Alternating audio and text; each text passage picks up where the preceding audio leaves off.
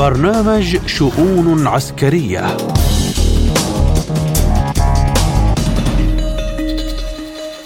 تحية طيبة لكم مستمعين الكرام من استديوهات إذاعة سبوتنيك في موسكو وأهلا بكم في حلقة جديدة من برنامج شؤون عسكرية. نقدمها لكم اليوم أنا محمد جمعة. وأنا نادية هلال والبداية بأبرز العناوين. قتلى وجرحى في هجوم إرهابي استهدف حفل تخريج طلاب ضباط الكلية الحربية في سوريا. إدارة بايدن تدرس آلية جديدة لدعم أوكرانيا في حال غياب التمويل من الكونغرس. قوات الدعم السريع تتهم الجيش السوداني بقصف مقر السفارة الإثيوبية في الخرطوم. الجيش الإيراني يطلق مناوراته العسكرية في الخليج بمشاركة 200 طائرة مسيرة. ونبدأ الحلقة من سوريا التي تعرضت أمس لجريمة غير مسبوقة في التاريخ حيث أرسل الرئيس الروسي فلاديمير بوتين برقية لنظيره السوري بشار الأسد يعرب فيها عن تعازيه للحكومة والشعب السوري. في ضحايا الهجوم الإرهابي الذي استهدف الكلية الحربية في حمص يوم الخميس. وأضاف الرئيس بوتين أن روسيا عازمة على مواصلة العمل عن كثب مع الشركاء السوريين من أجل مكافحة جميع أشكال ومظاهر الإرهاب. يذكر أن طائرات مسيرة انفجرت يوم الخميس في ساحة القادسية التي تشهد الاحتفال بتخريج دفعة جديدة من ضباط الكلية الحربية في حمص. وذلك بعد دقائق من انتهاء الحفل ومغادرة كبار الضباط وعلى رأسهم وزير الدفاع السوري العماد علي محمود عباس مكان الحفل. وتم الاعتداء أثناء قيام الضباط المتخرجين وعائلاتهم بالتقاط صور تذكارية للحفل. وللحديث أكثر عن هذا الموضوع ينضم إلينا من دمشق الخبير العسكري والاستراتيجي الدكتور فراس شبول. أهلا بك دكتور فراس في شؤون عسكرية وأبدأ معك بالعزاء الصادق لسوريا وذوي الشهداء الذين ارتقوا بعد هجوم إرهابي استهدف حفل تخريج طلاب ضباط الكلية الحربية في سوريا. دكتور أخبرنا ما هي قراءتك لهذه الجريمة الغير مسبوقة في التاريخ ومن الذي يقف وراء هذا الهجوم وما هي دلالاته برأيك؟ في البداية هذا دين وديدا الكيان الصهيوني والعصابات الإرهابية ومن يقف وراءها في هذه الأعمال الحاقدة على الإنسانية بالدرجة الأولى وعلى المنطقة العربية وسوريا بالخصوص. لذلك هناك يعني لا يوجد احتمالات من يقف وراء هذه العملية. الراعي الأول للإرهاب هو الولايات المتحدة الأمم أمريكية. لها قواعد إرهابية في كل المناطق في العالم ولها قواعد إرهابية في سوريا وهي هذه القواعد محمية تحت مظلة الإدارة الأمريكية. هذه الإدارة الراعية للإرهاب بشكل كامل وكلي لوجستيا وعسكريا وسياسيا وعلى مستوى الاقتصاد. هي تدعم هذا هذا الإرهاب التي الذي تستفيد منه في كل المناطق في العالم. هي خرجت عن نطاق التدخلات العسكرية المباشرة وأصبحت تنفذ عملياتها بالوكالة عن طريق هؤلاء الإرهابيين المرتزقة التي تجلبهم من كل اصقاع الأرض، لذلك لا يوجد احتمالات من هم رعاة هؤلاء الإرهابيون، هي الولايات المتحدة ولما لها مصلحة من الحفظ وتشتيت الأنظار عن الكيان الصهيوني الغاصب في الأرض العربية في فلسطين المحتلة، لذلك لن تتوانى الولايات المتحدة عن أي عمل يمكن أن يزعزع استقرار هذه المناطق بما يخص في سوريا بالتحديد. وكلنا نجد في السياسة بأن هناك تبريد واحتواء للصراعات الإقليمية والعربية العربية والعربية الإقليمية في المنطقة. ونجد بأن هناك مساعي لضم هؤلاء الدول وإعادة تموضع هذه الدول بعيدا عن الصراعات. هذا الأمر لا يعجب الولايات المتحدة ولا يعجب الكيان الصهيوني ويقض مضاجع هذا الكيان الصهيوني، أي تقارب في المنطقة إن كان عربيا عربيا أو عربيا اقليميا هو يزعج هذا الكيان الغاصب ويزعج هذه المجموعات الإرهابية، ونعلم مؤخرا بأن الولايات المتحدة قامت من حدود الأردن إلى حدود تركيا بمحاولة تجميع هذه المجموعات الإرهابية تحت كنفها وتحت رعايتها. وتجمع هؤلاء أولا لأسباب اقتصادية وثانيا لأسباب سياسية. طيب دكتور من أين جاءت هذه المسيرات؟ وحمص محاطة بدفاع جوي من جميع الاتجاهات. هناك شركات عسكرية تعمل في المنطقة الإقليمية بشكل كامل. هناك شركة بيرقدار التركية. هناك مسيرات تأتي من الولايات المتحدة ومن الغرب الأوروبي. الفصل في هذا الموضوع لا يمكن فصله عن ما يجري في المنطقة بشكل كامل وخصوصا الحرب العملية العسكرية الروسية في أوكرانيا. هناك هذا موضوع المسيرات ليس موضوع بجديد، هناك اشتغال على هذا الموضوع وهناك تطوير لهذه الطائرات المسيرة آه، من باب آه، ما يسمى الصناعة العسكرية في تلك المناطق وهي منتجة اقتصاديا لتلك الشركات وهي تعمل بشكل فعال وهناك منافسات شديدة على هذا الموضوع وخصوصا في تركيا. اذا الحصول على هذه الطائرات وخصوصا بتواجد الاحتلال الأمريكي والاحتلال التركي في المنطقة ليس بالأمر العسير على هذه العصابات الإرهابية، وحتى لو لم تكن بيد العصابات الإرهابية قد تكون بيد هؤلاء الرعون لهذا الإرهاب بشكل مباشر، يعني بمعنى أن تكون هي عملية تقوم بها الولايات المتحدة بشكل مباشر أو آه، أن يكون جانب من من الأتراك بشكل مباشر أو تكون عن طريق هؤلاء الوكلاء في المنطقة، لذلك الحصول على هذه الطائرات ليس بالأمر العسير على الإطلاق. وحتى حتى نلاحظ يعني حتى في في الأماكن العسكرية والمواقع العسكرية الروسية في حربها في أوكرانيا هناك أيضا اختراقات لبعض هؤلاء هذه الطائرات لمواقع عسكرية، اذا الأمر هو من باب ال ال الاشتغال العسكري وهو وهو واقع وهو لا يمكن ردعها بشكل كلي. آه، دكتور أخبرنا كيف ترد على ما يقال في منابر المعارضة المأجورة بأن الطائرات المسيرة هي موجودة فقط لدى الجيش السوري والروسي والقوات الإيرانية. يعني هذا اتهام مباشر؟ الحصول على هذه الطائرات المسيرة هو تحت أيدي وتحت مرمى العصابات الإرهابية ويمكن الحصول عليها بسهولة من قبل الولايات المتحدة ومن قبل شركة بيرقدار التركية بكل سهولة بما معناه بأن هذه الشركات التي تصنع تلك الطائرات لا تعمل لأجل الإنسانية هي تعمل من باب اقتصادي ومن باب تلك الأرباح الهائلة ومن باب بيع هذه الأسلحة لزعزعة المناطق التي توجد فيها هذه الأسلحة. أو أقصد هنا الطائرات المسيرة. ونجد سابقا بأنها استخدمت في مناطق إدلب في الحدود مع ريف اللاذقية هذه الطائرات. وحتى استخدمت ضمن مواقع أو ضد مواقع عسكرية روسية ولكن لم تحقق أهدافها. لذلك الحصول عليها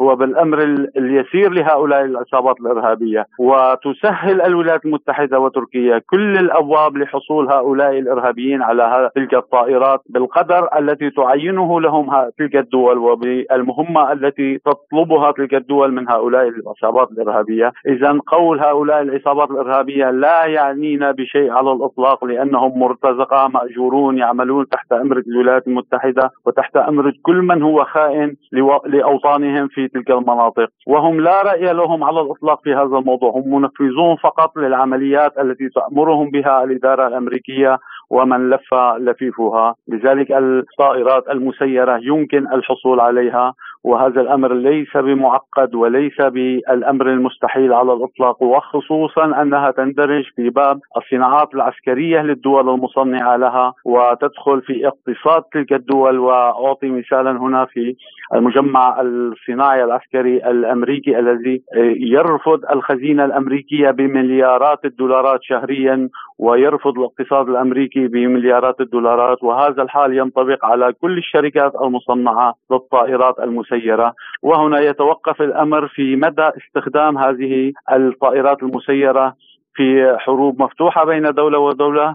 أم في أذى انساني آه، تحققه هذه العمليات الإرهابية باستخدام تلك الطائرات. برأيك دكتور ما هي الإجراءات الاحترازية التي ستتخذها الدولة السورية بعد التأكد من امتلاك الإرهابيين لهذه المسيرات؟ يعني نحن متأكدون بأن في يد هؤلاء الإرهابيون يعني نستذكر بأن عمليات الاتهامات التي حدثت فيما بعد دخول الحرب على سوريا في 2011 عندما امتلكوا السلاح النووي واستخدموه واتهموا القيادة السورية في ذلك، من يمتلك السلاح النووي يستطيع امتلاك أي سلاح آخر وخصوصا تحت رعاية الولايات المتحدة الأمريكية، يجب أن يكون هناك إجراءات عسكرية وأمنية مشددة خصوصا في المناطق العسكرية، وهذه الإجراءات هي بالحال موجودة ولكن الاختراقات في كل الأماكن العسكرية هي هناك احتمالات كبيرة لهذه الاختراقات ولا شيء يمكن أن يتم 100% في أي منطقة في العالم ليس فقط في سوريا. الاختراقات الأمنية تحدث وخصوصا في حالة الاستقرار الذي تنعم فيها المنطقة المسيطر عليها من الجيش العربي السوري وحالة الهدوء الاجتماعي والنفسي التي حدثت في السنتين الماضيتين.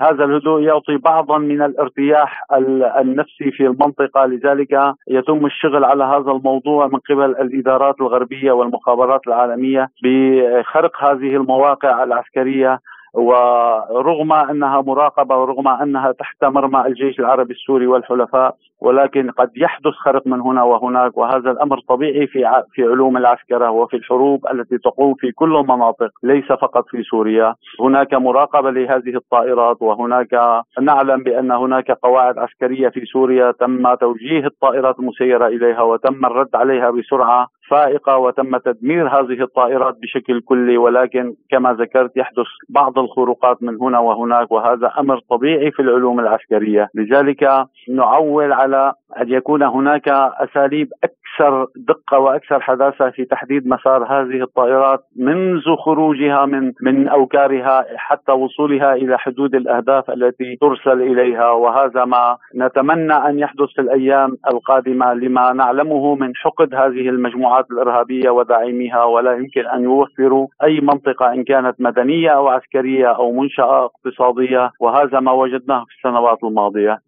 لذلك نعول على صد نعم. هذه الطائرات المسيرة ونعول على القوى الكبرى الداعمة لسوريا بمنع تصدير هذه الطائرات من الشركات المعادية للدولة السورية في أي منطقة في العالم نعم دكتور فراس يعني فقط في سوريا شاهدنا كيف الضباط يتخرجون شهداء وشاهدنا أيضا كيف الأمهات تزغرد وهي تستقبل أبنائهن الشهداء الأحرار. شكرا لك دكتور فراس الخبير العسكري الاستراتيجي. كنت معنا ضيفا عزيزا في شؤون عسكرية. الرحمة لأرواح هؤلاء الشهداء الأطهار السماء تستقبلهم بحفاوة وبعد قسمهم بالدفاع عن أوطانهم رحلوا وعاهدوا الله ما صدقوا بعهدهم ورحلوا إلى خالقهم بأرواحهم السلام والطمأنينة. آمين وكل الاحترام لكم. شكرا لك دكتور فراس وكل الرحمة والسلام الأبدي لضحايا الهجوم الإرهابي. وإلى الحرب في أوكرانيا حيث أفادت صحيفة بوليتيكو الأمريكية بأن إدارة الرئيس جو بايدن تدرس إمكانية الاستفادة من برنامج المنح المالية التابع للخارجية الأمريكية لتمويل المساعدات لأوكرانيا. وكان الرئيس الأمريكي قد أعرب عن ثقته في أن البيت الأبيض سيتمكن من إيجاد الموارد لمواصله تقديم الدعم لأوكرانيا، حتى في حال رفض الكونغرس تلبية طلبات البيت الأبيض بشأن تخصيص التمويل. للحديث أكثر عن آخر المستجدات في الحرب الأوكرانية. نستضيف معنا من ألمانيا الباحث بالشؤون السياسية والخبير بالشأن الأوروبي الدكتور أكثم سليمان. أهلا بك دكتور أكثم في برنامج شؤون عسكرية. تحياتي لكم. وأسألك في حالة نشوء صراع طويل الأمد ستبحث أوكرانيا بالطبع عن سبل لإيقافه. فهل برأيك هذه الحرب ستؤدي في نهاية المطاف إلى إنهاك أوكرانيا وخاصة القوات المسلحة الأوكرانية؟ أعتقد الرئيس الروسي فلاديمير بوتين تحدث مؤخرا عن أن خسائر القوات الأوكرانية في فترة الهجوم ما سمي بالهجوم المضاد فقط هي حوالي 90 ألف عسكري. هذا يعني أن الخسائر الأوكرانية كبيرة وأن الجيش الأوكراني يستنزف بشكل كبير مما يعني أن طبعا النتيجة كارثية على الجيش وعلى الشعب في أوكرانيا لذلك المطالبة بوقف الحرب هي ليس دائما موقف للسياسه الروسيه بقدر ما هو موقف متحيز للإنسان الأوكراني الذي أقحم في هذا الصراع الذي لا ناقة له فيه ولا جمع. تلك هي النقطة الرئيسية آه، في الموضوع. أوكرانيا عمليا كدولة شبه منتهية تم استنزافه بشكل كبير بعد تورطه في هذه آه، المعركة. وثانيا اقتصاديا حتى لو توقفت آه، العمليات اليوم أوكرانيا حالة كما يسمى الإسعاف. أو الإسعافات الأولية ولا أحد قادر حاليا على اسعافها اذا نعم اوكرانيا تتجه إلى مصير قاتم جدا إذا ما استمرت السياسات الحالية للرئيس زيلينسكي وللغرب من خلفه. آه، دكتور آه، أكثم آه، أخبرنا في حال لن تتمكن أوكرانيا من التقدم في عام 2024 بعد بدون التمويل الأمريكي. هل يمكن أن نشهد بداية النهاية لهذا الصراع العسكري الدائر؟ آه للأسف هذا هذه رؤية متفائله جدا، أكيد وقف التمويل الأمريكي على خلفية صراعات أمريكية داخلية هي نقطة مهمة ومهمة جدا، لكن كما لاحظتي سيحاول الأمريكيون استخدام المانح الأوروبي هنا وهناك أي تكليف الأوروبيين بما لا يستطيع الأمريكيون. فعله، هذا الأمر تم أيضا آه تم أيضا في فترة ماضية عندما كان الرئيس ترامب يحكم في الولايات المتحدة الأمريكية. حينها كان هناك الكثير من القرارات التي آه، يريد الأمريكيون النخبة الأمريكية تنفيذها لكن الرئيس ترامب كان ضدها وفي هذه الحالة كانوا يكلفون الأوروبيين بالحلول محل الأمريكيين في هذا الشأن، لذلك المحاولة الأمريكية ستكون الآن هي توريط الأوروبيين أكثر ماليا وعسكريا لكن الأهم هو الانتخابات الأمريكية. يعني إذا كان التفاعل مع ما جرى في الكونغرس هو على هذا الشكل فهل هذا سيستمر بعد معركة الانتخابات الأمريكية القادمة؟ وأقصد معركة بمعنى الكلمة وليس معركة انتخابية. هناك آه، مصير أيضا آه، غامض ينتظر الأمريكيين كنظام سياسي وهذا سيكون له تأثيرات كبيرة على الملف الأوكراني. دكتور ألا تلاحظ الآن أن أوروبا تتخبط بقراراتها، يعني بالنسبة لشولز هناك قال بعدم تزويد كييف بصواريخ توروس، بمناسبة أخرى يقول أن برلين ستزود كييف قبل الشتاء المقبل بنظام آخر للدفاع الجوي من طراز باتريوت. كيف تقرأ هذا التخبط والتناقض الأوروبي الآن؟ يعني هي محاولة للسباحه في المياه الأمريكية دون الإصابة بالبلل وهذه المحاولة فاشلة كما شهدنا ذلك منذ شهر فبراير شباط من العام الماضي بمعنى محاولة الظهور بمظهر أخلاقي من جهة وحكيم سياسيا مع نفس في نفس الوقت مع الالتزام بالخط الأمريكي محاولة إقناع الرأي العام الداخلي بأن المستشار الألماني لا يرسل إلا أسلحة دفاعية أو أسلحة لا تطال الأراضي الروسية ومع ذلك الاستمرار في سياسات تؤدي في النهاية إلى آه، الهجوم على الأراضي الروسية، دبابات آه، ليوبارد ليست دبابات دفاعية، هذا كلام غير صحيح، اذا التخبط هو تعبير فعلا عن محاولة يائسة للعب على أكثر من حبل داخليا وخارجيا كي آه، دعنا نقول نخرج بماء الوجه أو يحافظ على ماء وجهه كمستشار آه، ديمقراطي اشتراكي في نهاية المطاف لديه أيضا ناخبيه لديه مبادئ حزبه. اذا هذه المحاولة هي التي تؤدي إلى هذه الأمور الغريبة والتي عادة ما تنتهي باحتجاجات وانتقادات داخلية ثم تغيير في الموقف لكن يكون هذا التغيير من قبل المستشار أو الحكومة. متحججا بأن هناك حاجة استراتيجية أو أن هناك ضغوط داخلية أو غير ذلك من الأمور. شهدنا ذلك في حالة دبابات آه، ليوبارد. شهدنا ذلك في آه، مجال مجالات أخرى وأسلحة أخرى. آه شكرا لك دكتور أكثم. آه كان معنا الباحث بالشؤون السياسية والخبير بالشأن الأوروبي الدكتور أكثم سليمان. شكرا لكم دكتور. شكرا لكم. وإلى السودان حيث أدانت قوات الدعم السريع ما وصفتها التصرفات البربرية التي تنتهجها قوات الجيش السوداني باستهدافها المنشآت الحيوية في البلاد بما في ذلك مقار البعثات الدبلوماسية والمنظمات الدولية. تعرضت مباني السفارة الإثيوبية للقصف مما تسبب في دمار هائل بالمبنى الذي يقع في منطقة العمارات بالخرطوم أوضحت قوات الدعم السريع أن اقتلاع النظام البائد من جذوره هو الطريق الوحيد الذي يحقق الأمن والاستقرار في السودان والمنطقة برمتها ويفتح المجال لبناء الدولة السودانية على أسس جديدة عادلة. من جهته قال رئيس مجلس السيادة السوداني قائد الجيش عبد الفتاح البرهان إن بعض السياسيين يمارسون الكذب والتضليل دعما للميليشيا المتمردة معتبرا أن الجيش يقاتل مرتزقة من جميع الجهات. للحديث أكثر عن هذا الموضوع ينضم إلينا من الخرطوم خبير دائرة الأزمات والتفاوض في مركز البحوث الاستراتيجية الدكتور أمين إسماعيل. دكتور أمين يعني الجيش السوداني وقوات الدعم السريع يتبادلان الاتهامات بقصف السفارة الإثيوبية في الخرطوم. برأيك من يقف وراء هذا الهجوم وما الهدف منه؟ طبعا القوى العسكرية كلها آه، تقف مع القوات المسلحة بجانب الشعب السوداني. أو قطاع كبير جدا يقف مع القوات المسلحة ضد هذا الغزو آه، الذي تقوم به عناصر الدعم السريع. هنالك بعض المجموعات التي وقعت على اتفاق جوبا.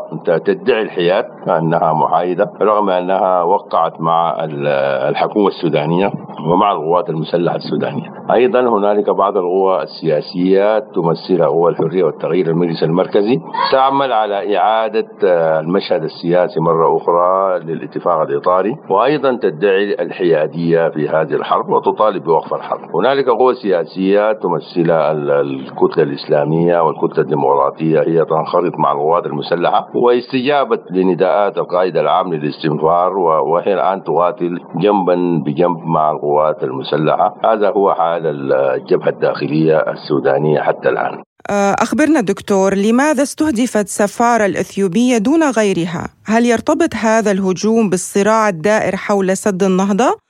ومن الذي له مصلحة في ذلك؟ آه، من الواضح أن المعارك الأخيرة التي تدور في وسط العاصمة آه، جوار موقع السفارة الأثيوبية ربما تكون هنالك آه، بعض الدانات سقطت في محيط السفارة أو داخل السفارة لكن البيانات التي صدرت أغربها للصحة هو البيان الخاص ب القوات المسلحة وذلك لأنه قوات الدعم السريع درجت في الآونة الأخيرة أنها تخصف المباني المدنية والسفارات والأسواق وتدعي أن هذا هو الطيران التابع للقوات المسلحة دكتور ولماذا هذا الإصرار من قبل أطراف النزاع في السودان على رفض التفاوض دائما برأيك؟ أيضا من ناحية أخرى وعناصر الدعم السريع تحاول إرباك المشهد السياسي والإقليمي بربط الهجوم على السفارة الأثيوبية بخلافات مع جمهورية مصر العربية أو ربطها بالملف الخاص بسد النهضة.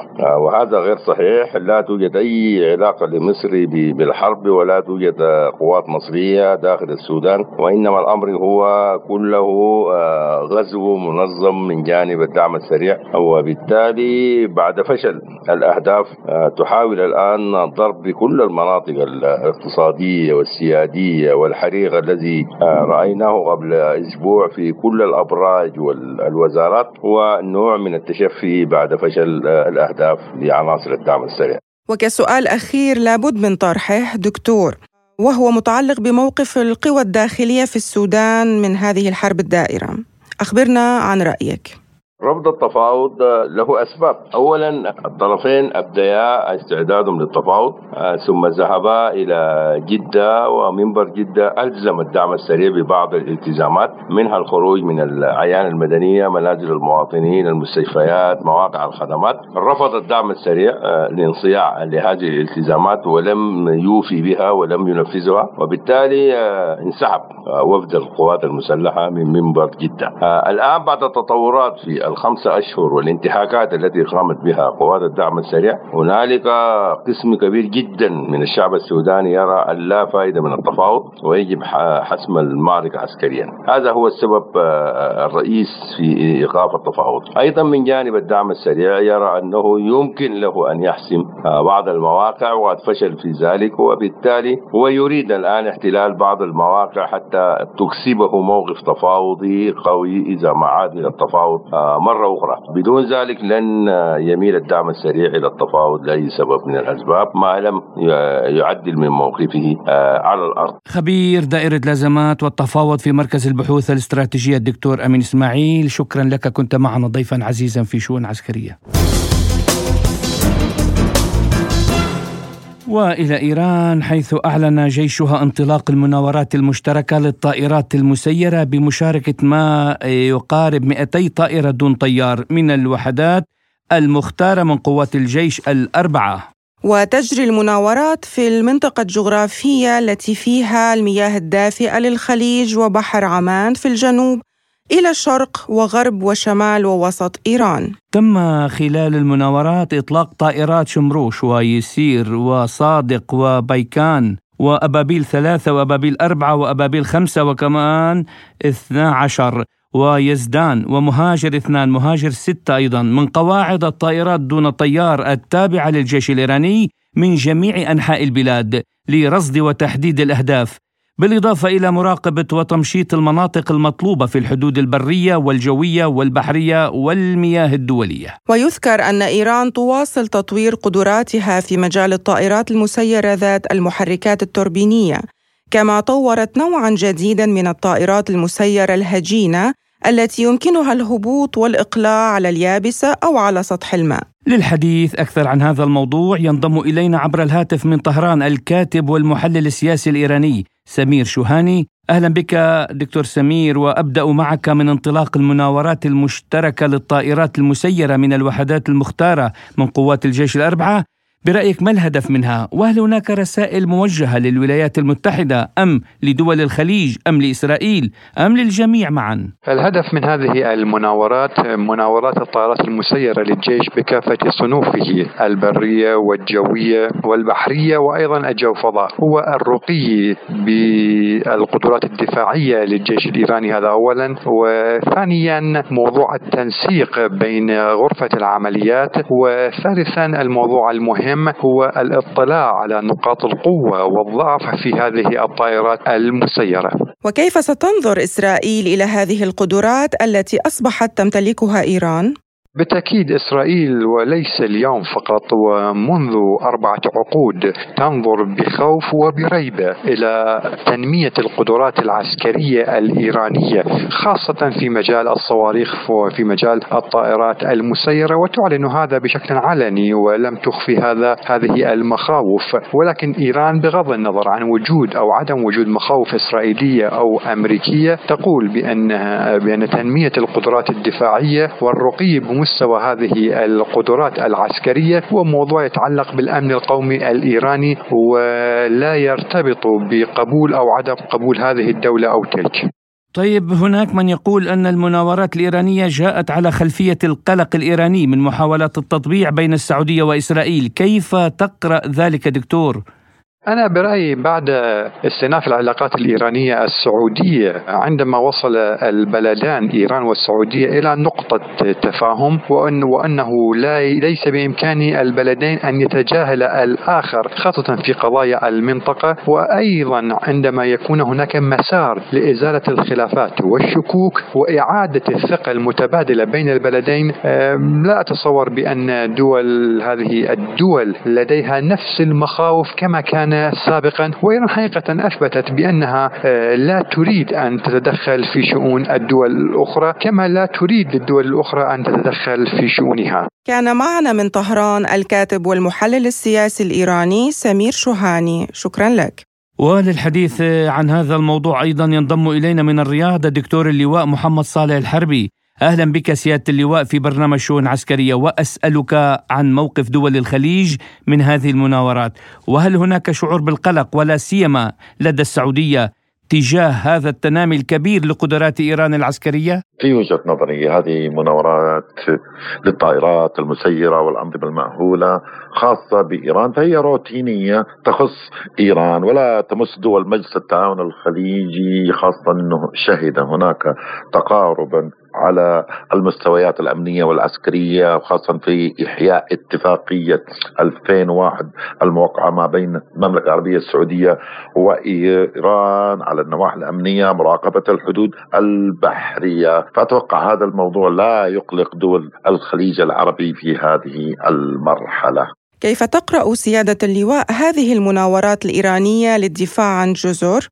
بالأصل هي في محط تنازع على هويتها. الآن دول مجلس التعاون الخليجي العربي في عملية تقارب مع إيران عودة العلاقات الطبيعية خاصة شهدنا عدة اتفاقات على النواحي الأمنية والعسكرية. بالنسبة للجزر الإماراتية فقد أعلن دول مجلس التعاون الخليجي على سيادة ووحدة هذه الجزر وربما يذهب التوتر في هذه المسألة إلى محكمة العدل الدولية بموافقة جميع الأطراف. ربما هناك أيضا حلحلة في موضوع الجزر. هناك تفاهمات مقاربات ولكن الموقف موقف واضح وصريح. فهذه مرحلة التقارب والتفاهم. لا أتوقع أنه مناورات عسكرية خاصة بإيران تؤثر على سير المنطقة. لابد أن هناك أن يكون هناك تواصلا وتنسيق في هذه الأمور العمليات خاصة خطوط التماس والمياه الدولية. من الرياض الدكتور اللواء محمد صالح الحربي كنت معنا ضيفا عزيزا في شؤون عسكرية. شكرا لكم. إلى هنا تنتهي حلقة اليوم من شؤون عسكرية. كنت معكم أنا محمد جمعة. وأنا نادية هلال. تابعونا على Sputnik Arabic dot ae. واشتركوا بقناتنا عبر التليجرام سبوتنيك عربي. وراديو سبوتنيك في لبنان على تردد 93.6 وفي سوريا على تردد 93.3